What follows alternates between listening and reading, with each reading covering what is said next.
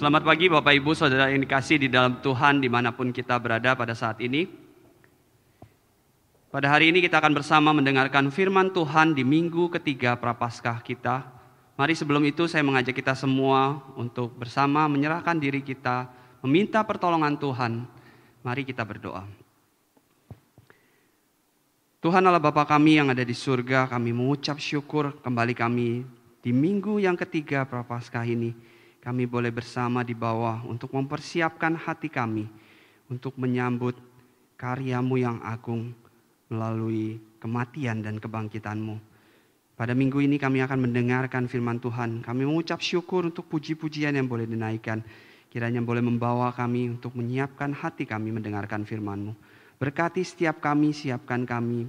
Pakailah setiap peralatan yang dipergunakan agar firman Tuhan yang disampaikan boleh kami mengerti dan pahami dan terutama kami lakukan dalam kehidupan kami. Terima kasih ya Tuhan. Kami menyerahkan untuk pemberitaan firman Tuhan pada pagi hari ini ke dalam tanganmu. Di dalam nama Tuhan Yesus kami telah berdoa dan mengucap syukur. Amin. Bapak Ibu Saudara yang dikasih di dalam Tuhan, saya mengajak kita semua untuk bersama membuka beberapa bagian dari firman Tuhan yang menjadi dasar landasan dari pemberitaan firman Tuhan kita pada hari ini. Yang pertama saya mengajak kita semua untuk membuka dari Injil Matius. Injil Matius pasal yang ke-27 ayat yang ke-20 sampai ke-21. Injil Matius pasal yang ke-27 ayat yang ke-20 sampai ke-21. Saya akan membacakan kepada Bapak Ibu Saudara sekalian. Demikianlah firman Tuhan. Tetapi oleh hasutan imam-imam kepala dan tua-tua, orang banyak bertekad untuk meminta supaya Barabas dibebaskan dan Yesus dihukum mati. Wali negeri menjawab dan berkata kepada mereka, Siapa di antara kedua orang itu yang kamu kehendaki kubebaskan bagimu? Kata mereka, Barabas. Bagian kedua yang akan kita buka terambil di dalam Injil Matius Injil Matius pasal yang kelima, ayat yang ke-13 sampai yang ke-16. Satu bagian firman Tuhan yang sudah familiar tentunya untuk kita semua. Injil Matius pasal yang kelima, ayat yang ke-13 sampai ayat yang ke-16. Kita akan membacakannya secara bergantian, saya dan Bapak Ibu semua yang ada di mana pun. Ayat yang ganjil akan dibacakan oleh Bapak Ibu sekalian yang sudah divaksin. Di mana pun kita berada, di rumah maupun di gereja, ayat ganjil akan dibacakan untuk Bapak Ibu sekalian yang sudah divaksin. Dan untuk ayat yang genap, untuk Bapak Ibu sekalian yang belum dan akan divaksin. Saya akan membacakan untuk ayat yang ke-13 Demikianlah firman Tuhan. Kamu adalah garam dunia. Jika garam itu menjadi tawar, dengan apakah ia diasinkan? Tidak ada lagi gunanya selain dibuang dan diinjak orang. Ayat ke-14, kamu adalah terang dunia. Kota yang terletak di atas gunung tidak mungkin tersembunyi. Lagi pula orang tidak menyalakan pelita lalu meletakkannya di bawah gantang, melainkan di atas kaki dian, sehingga menerangi semua orang di dalam rumah itu. Demikianlah hendaknya terangmu bercahaya di depan orang, supaya mereka melihat perbuatanmu yang baik dan memuliakan Bapamu yang di surga. Satu ayat terakhir yang menjadi pembacaan kita, ayat yang menjadi dasar firman Tuhan, dasar dari tema kita sepanjang setahun ini tentang murid Kristus yang sejati. Murid Kristus yang sejati yang mengenal panggilannya, memelihara panggilannya. Terambil di dalam surat Efesus pasal yang keempat, ayat yang pertama. Surat Efesus pasal yang keempat, ayat yang pertama. Saya akan membacakan untuk kita semua, demikianlah firman Tuhan. Sebab itu aku menasehati kamu, Aku orang yang dipenjarakan karena Tuhan, supaya hidupmu sebagai orang-orang yang telah dipanggil berpadanan dengan panggilan tersebut. Amin. Bapak Ibu Saudara yang dikasih di dalam Tuhan, di awal tahun 2021 ini kita mendengar sebuah kabar yang menggembirakan. Sebuah kabar yang memberikan kita satu pengharapan yaitu pemberian vaksin. Kita sepanjang tahun 2020 ini kita diliputi oleh berita pandemi yang tidak berkesudahan. Kita tidak tahu kapan akan berakhir. Dan di akhir tahun 2020 kita mendengar vaksin sudah datang nih ke Indonesia. Tapi masih dalam pertanyaan kapan? Kapan diberikan? Dan di awal tahun 2021 ini pemerintah melaksanakan satu program vaksinasi yang dimulai di awal tahun ini dan dilakukan secara berkala. Karena kita tahu Indonesia kan mempunyai luas wilayah yang sangat luas sekali jumlah penduduk yang banyak. Tentunya supaya vaksin itu bisa diberikan kepada semua orang itu butuh waktu. Makanya ada beberapa tahap periode-periode tertentu yang dimulai tahapan pertama kepada orang-orang atau mereka yang bertugas sebagai petugas kesehatan. Kemudian dilanjutkan dengan kelompok-kelompok lainnya. Nah sebagai pemula atau sebagai orang yang pertama kali menerima vaksin, Bapak Presiden kita, Bapak Jokowi, sebagai orang yang pertama kali, orang pertama di Indonesia yang divaksin. Jadi Bapak Jokowi sebagai orang pertama yang pertama kali divaksin, sebagai simbol, mewakili pemerintah, mewakili orang Indonesia. Dan bukan hanya Bapak Jokowi juga, ada beberapa lapisan-lapisan masyarakat yang mewakili lapisan masyarakat lain. Salah satunya adalah artis atau influencer. Kalau kita lihat di berita, artis dan influencer juga ikut. Nah, hal yang menarik kalau kita merhatikan kenapa pemerintah memilih mereka. Kenapa pemerintah memilih mereka sebagai perwakilan dari lapisan masyarakat. Mungkin kita bertanya bahwa mereka memiliki pengaruh yang kuat dan cukup luas. Supaya program vaksinasi yang dirancangkan oleh pemerintah ini bisa mendapat perhatian masyarakat luas dan bisa mempengaruhi mereka bahwa pemerintah ini program vaksinasinya sudah jalan. Mereka pemerintah ini sudah melaksanakan program vaksinasi. Ayo kita semua ikut serta di dalamnya. Pemerintah menangkap bahwa mereka memiliki pengaruh yang cukup luas, memiliki pengaruh yang cukup banyak. Berapa banyak di antara kita mungkin lebih memilih untuk mendengar para artis, para influencer menyampaikan pendapat ya, ketimbang orang-orang tertentu menyampaikan pendapat yang sama atau para ahli yang tidak begitu terkenal menyampaikan pendapat. Kita mungkin lebih mendengar mereka, lebih tahu paham dengan berita-berita mereka, lebih update. Kita mungkin sering ngomong, "Uh, karena influencer itu yang ngomong, oh karena orang itu yang ngomong." Nah, pemerintah menangkap menangkap pesan itu. Tetapi sayangnya beberapa jam setelahnya bahkan tidak sampai 24 jam kita melihat di berita lagi yang bikin heboh salah satu influencer yang terkenal ketahuan di sebuah postingannya itu menghadiri sebuah pesta tanpa menggunakan atau mematuhi protokol kesehatan. Jadi orang-orang pada melihatnya bahwa apa yang dilakukannya itu merupakan suatu blunder, merupakan suatu kesalahan yang menyebabkan langkah pemerintah itu menjadi sia-sia. Pemerintah memperlakukan vaksin, memberikan vaksin, tetapi tetap memberikan pesan bahwa tetap harus menjaga menggunakan protokol kesehatan. Karena ketika vaksin diberikan butuh waktu. Butuh waktu agar sistem tubuh kita itu membentuk sistem kekebalannya. Butuh waktu, untuk itu kita harus tetap menjaga menggunakan protokol kesehatan pesan ini tidak tersampaikan dengan baik, justru malah gagal ketika salah seorang yang mewakili justru melakukan hal yang sebaliknya. Program yang baik tidak tersampaikan karena agentnya tidak tepat, karena orangnya tidak tepat. Pemerintah sudah melaksanakan hal yang baik, sudah merancangkan sesuatu yang baik. Tetapi orang yang memberitakan, orang yang membawa, memberikan pengaruh, justru memberikan pengaruh yang sebaliknya. Nah dari kisah ini, apa yang bisa kita pelajari Bapak Ibu? Saya coba menarik ini ke dalam kehidupan kita orang-orang Kristen. Kita sebagai orang yang sudah menerima kabar baik, menerima Injil itu. Pertanyaannya apakah kita sudah memberitakan Injil kabar baik itu dengan baik, melalui perkataan kita, melalui perbuatan kita. Atau justru malah perkataan dan perbuatan kita itu tidak selaras dengan iman yang kita lakukan. Iman yang kita percaya melalui perkataan dan perbuatan kita tidak selaras. Saya mencoba melakukan sebuah survei kecil-kecilan. Mungkin Bapak Ibu juga bisa melakukan survei ini setelah ini. Saya coba bertanya ke beberapa orang yang saya kenal, baik itu orang Kristen maupun orang non-Kristen.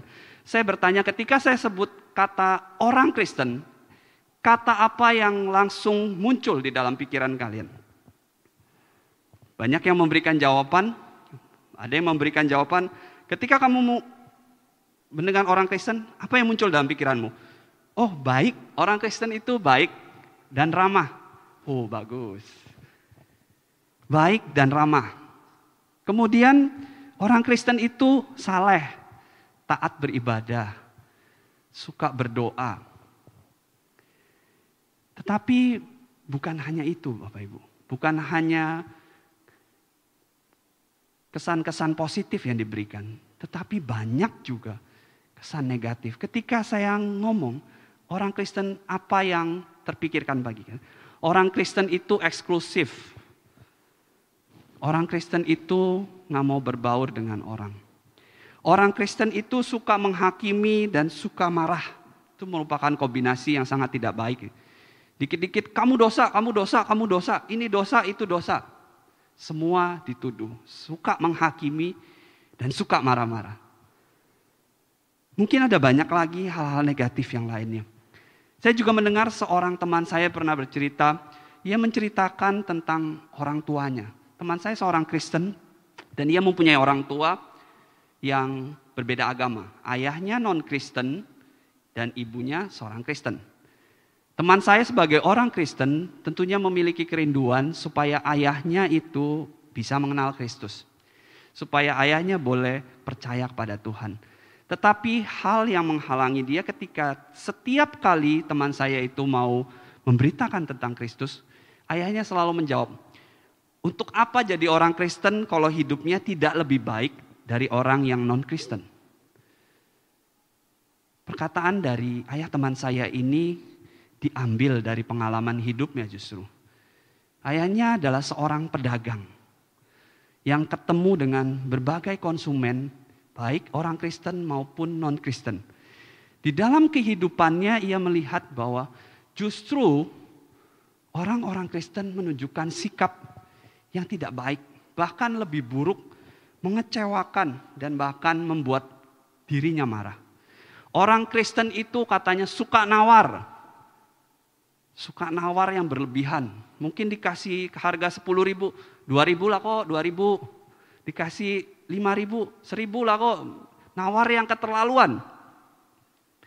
Kemudian orang Kristen itu gak percayaan dan cerewet. Ini garansi ya?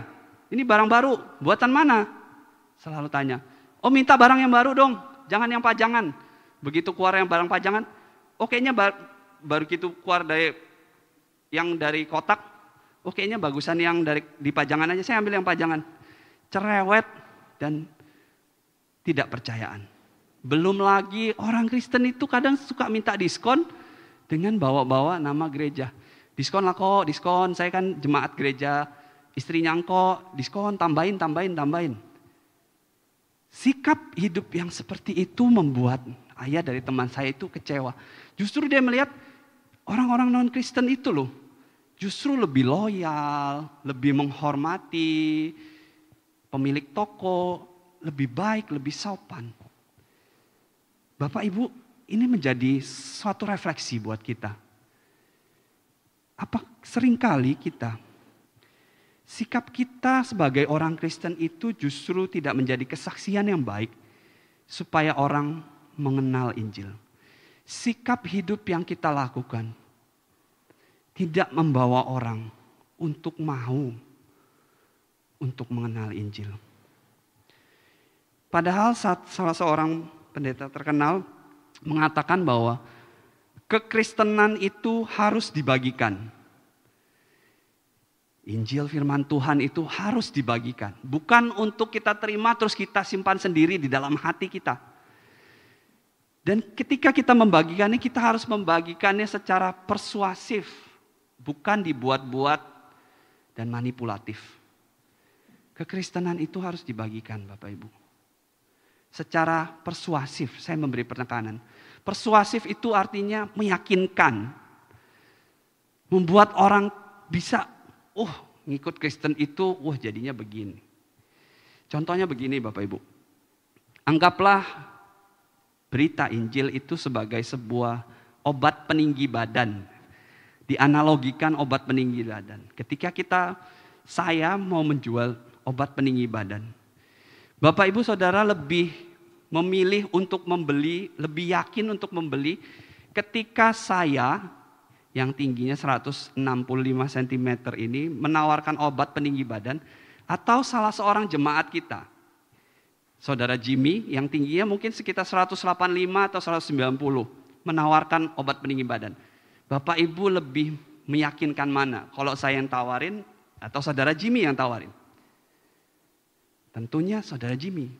Karena secara perawakan begitu dia datang aja ke waduh nyo tinggi banget Terus saudara Jimmy, minumlah ini, obat peninggi badan favorit. Manjur. Ketika dia bilang manjur, orang meyakinkan. Persuasif. Oh iya saya beli katanya. Anak saya ini lagi masa pertumbuhan, mau tinggi seperti kamu nyo. Meyakinkan Bapak Ibu. Kekristenan itu harus disampaikan secara persuasif, meyakinkan. Bukan dibuat-buat Bapak Ibu kita juga melihat contoh yang tidak baik. Ketika orang-orang itu tidak memanfaatkan posisinya untuk memberitakan firman melalui kesaksian hidupnya. Di dalam Alkitab, di ayat yang kita baca, di dalam Matius 27 ayat yang ke-21. Saya akan membacakannya untuk kita semua.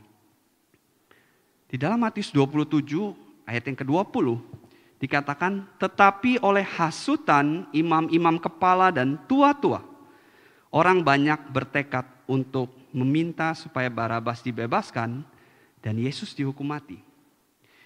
Di sini ada satu tokoh yang menarik yang mungkin sering kali kita tidak perhatikan bagian ini. Imam-imam kepala dan tua-tua Yahudi di dalam Injil Matius biasa mereka dikelompokkan menjadi satu, imam-imam kepala dan tua-tua Yahudi atau ditulis tua-tua.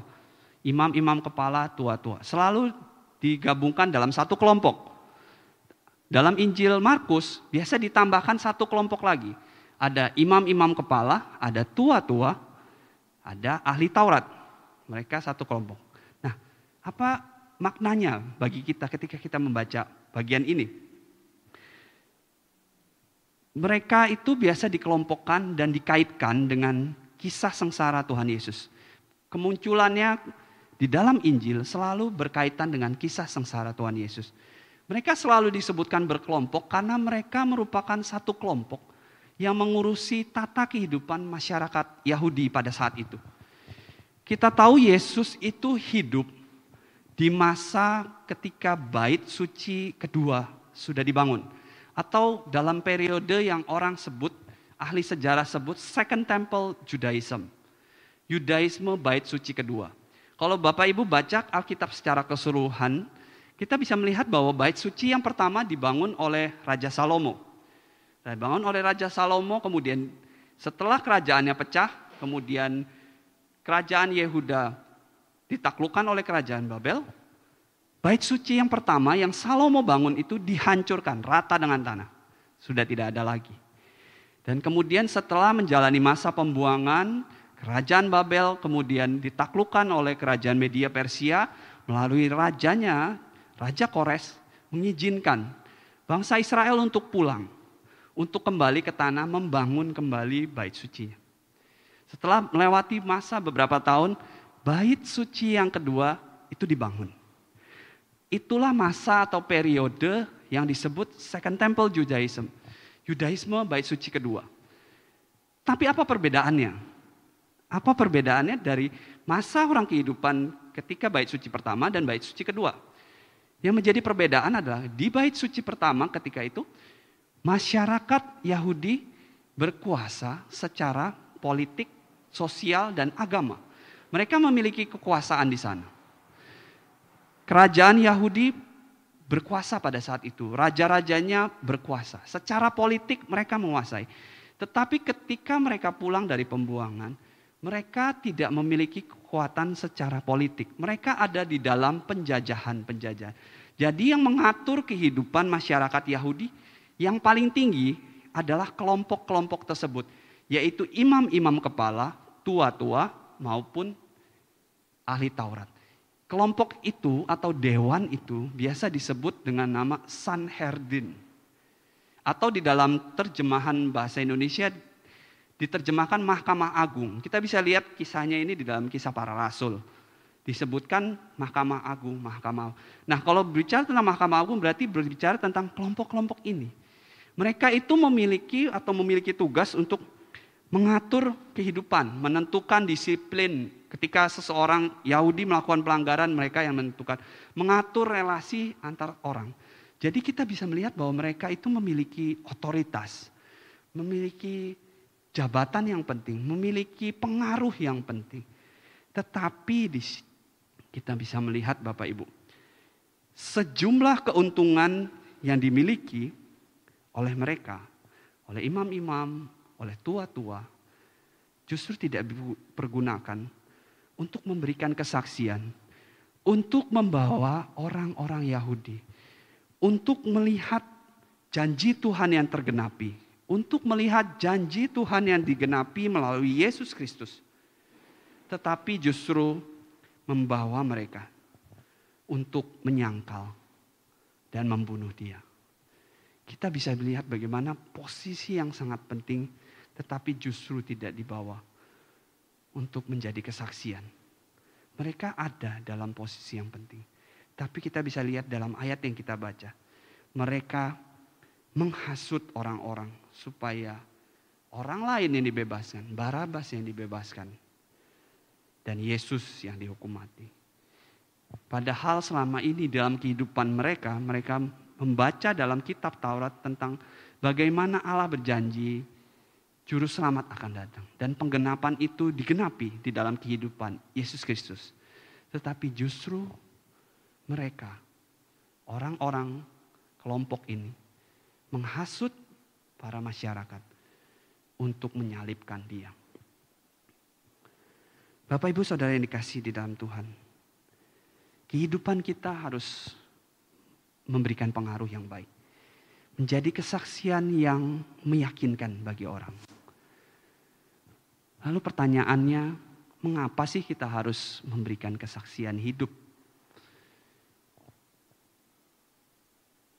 Mungkin alasan-alasan yang akan saya sampaikan pada bagian ini bisa menjadi menguatkan kita untuk kita semakin yakin lagi di dalam kehidupan kita kita bersaksi tentang Kristus. Di dalam ayat kedua di Matius 5 pasal yang ke-13 sampai yang ke-16 kita bisa melihat alasan yang mendasar kenapa hidup kita harus menjadi kesaksian. Alasan yang pertama Bapak Ibu, karena identitas kita adalah untuk bersaksi. Identitas kita adalah untuk bersaksi. Mari Bapak Ibu saya mengajak kita semua untuk membuka lagi bagian ini. Bagian ini adalah bagian yang sangat terkenal, yang sangat familiar dalam kehidupan kita. Matius 5 sampai Matius 7 merupakan bagian yang dikenal dengan nama khotbah di bukit.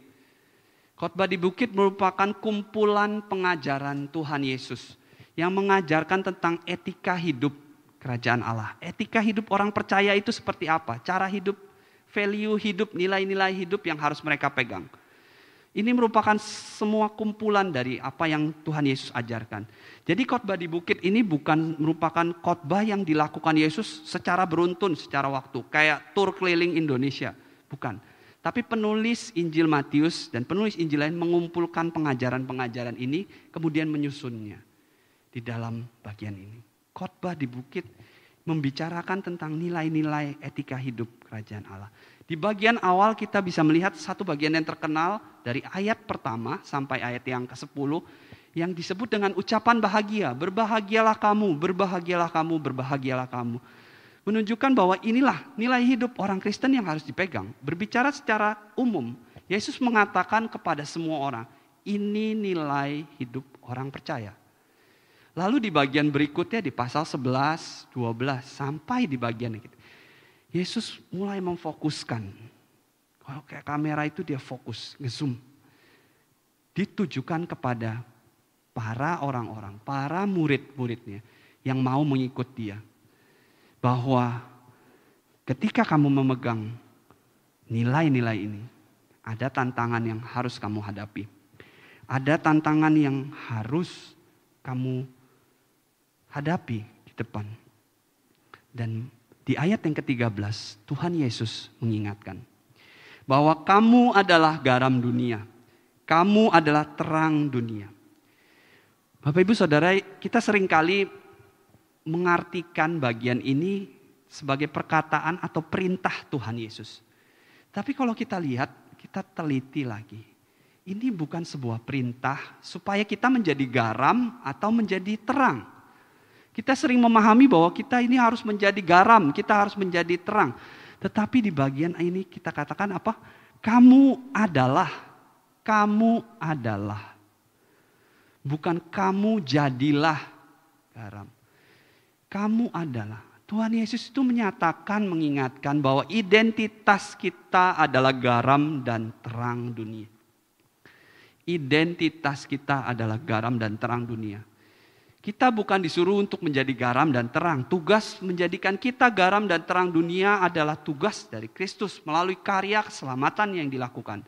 Ia sudah menjadikan kita garam dan terang. Saatnya bagi kita untuk menghidupi identitas kita. Untuk menghidupi apa yang sebenarnya harus kita lakukan. Menjadi garam dan terang berarti kita memberikan pengaruh. Berarti kita memberikan dampak. Kenapa digunakan metafora garam dan terang? Karena kehidupan pada masyarakat pada saat itu tidak bisa dipisahkan daripada garam dan terang. Kalau zaman sekarang mungkin kalau nggak ada garam kita bisa pakai alternatif lain gitu. Tetapi pada masa itu, orang tidak bisa hidup tanpa garam. Satu hal yang penting, satu hal yang berpengaruh, itu adalah identitas kita. Mengapa kita harus bersaksi Bapak Ibu? Karena itu identitas kita. Kalau kita yang nggak bersaksi melalui kehidupan kita, itu yang perlu dipertanyakan. Tanda tanya besar dalam kehidupan kita. Bapak Ibu Saudara yang dikasih dalam Tuhan, firman Tuhan ini mengingatkan bahwa mengapa kita harus bersaksi. Karena itu adalah identitas kita. Kita harus memberikan pengaruh, memberikan dampak bagi orang. Alasan yang kedua, mengapa kita harus bersaksi? Karena kita adalah lampu sorotnya Tuhan.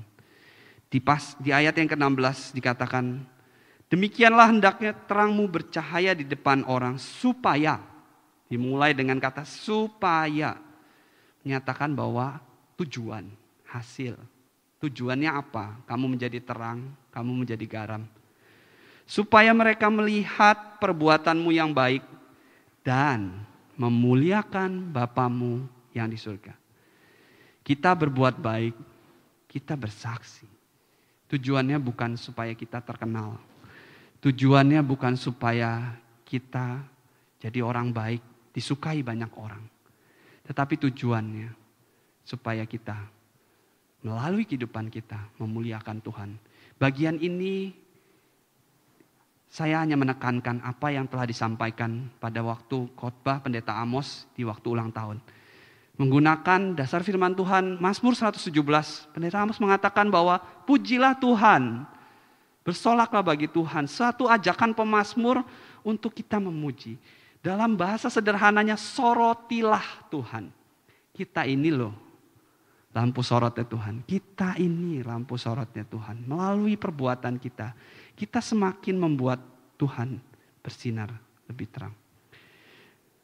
Bapak Ibu Saudara yang dikasih di dalam Tuhan, seorang dosen saya pernah bercerita ia bertemu dengan seorang ateis seorang ateis di dalam pesawat dan ketika namanya dalam pesawat ya dosen saya ini menggunakan kesempatannya untuk berbincang-bincang dengan orang tersebut. Ketika berbincang menanyakan tentang keyakinannya, eh, seorang ateis ini mengatakan, saya ini seorang ateis, saya tidak percaya Tuhan. Mana buktinya? Tuhan nggak bisa dilihat. Dari pernyataan ini dosen saya dengan mudah, dengan mudah mematahkannya. Dia bilang begini, kamu percaya listrik itu ada? Kamu percaya udara itu ada? Percaya katanya. Kamu bisa lihat listrik itu seperti apa? Kamu bisa lihat udara itu kayak apa? Enggak. Kenapa kamu percaya? Kamu percaya listrik itu ada, kamu percaya udara itu ada. Karena kamu merasakan dampak dari keberadaan listrik. Kamu merasakan dampak dari udara. Kamu bisa melihat cahaya, kamu bisa menyalakan lampu, ngecas handphone, kita bisa bernapas. Semuanya dampak. Gak bisa kita lihat. Sama kayak Tuhan, permasalahanmu bukan kamu gak bisa melihat Tuhan, tapi kamu tidak bisa merasakan dampak daripada orang Kristen. Mungkin kamu salah bergaul kali. Kata dosen saya seperti itu. Tapi bagian ini sangat mengingatkan setiap kita. Dari kisah apa yang disampaikan oleh teman saya, mengapa papanya teman saya itu tidak bisa percaya? Karena ia tidak bisa merasakan dampak dari orang Kristen itu sendiri. Mengapa kehidupan kita harus menjadi kesaksian? Yang pertama alasan mendasar karena itulah identitas kita Bapak Ibu Saudara yang kasih dalam Tuhan. Dan supaya orang lain merasakan dampak dari keberadaan Allah melalui kehidupan kita. Dan kemudian memuliakan dia. Bukan untuk kebanggaan kita, bukan untuk kepopuleran kita. Tapi semua hanya untuk kemuliaan nama Tuhan. Bapak Ibu Saudara yang dikasih di dalam Tuhan, sepanjang minggu Prapaskah ini dari minggu pertama, kedua, dan ketiga. Kita sudah belajar dari tokoh-tokoh yang dari sisi negatifnya, tokoh-tokoh yang mungkin kita anggap selama ini jahat. Di minggu pertama kita belajar dari Yudas Iskariot. Ya ini bukan Yudas Iskariot, tapi Lose Yoel. Tapi kita belajar dari tokoh Yudas Iskariot yang disampaikan oleh Lose Yoel. Kita belajar dari Pontius Pilatus. Kita belajar dari tua-tua Yahudi, imam-imam kepala. Di minggu pertama kita belajar bagaimana kita harus memilih kebenaran itu kebenaran itu tidak jangan diperjualbelikan demi sesuatu yang mungkin kita anggap lebih berharga.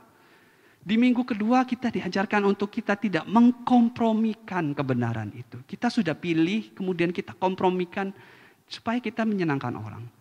Dan di minggu ini kita belajar supaya kita menyaksikan kebenaran yang sudah ada di dalam diri kita.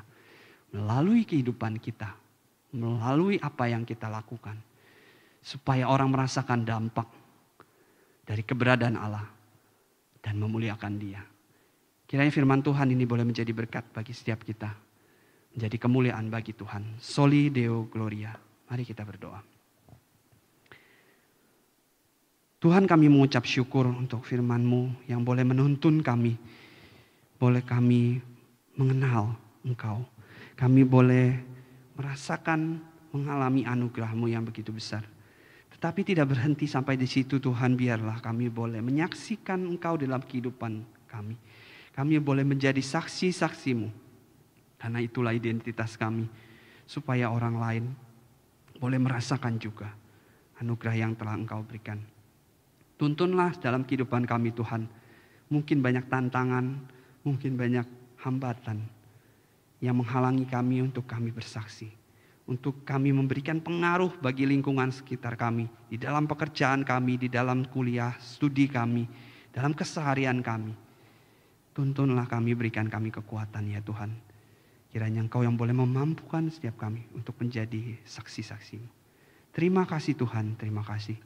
Di dalam nama Tuhan Yesus, kami menyerahkan kehidupan kami. Amin.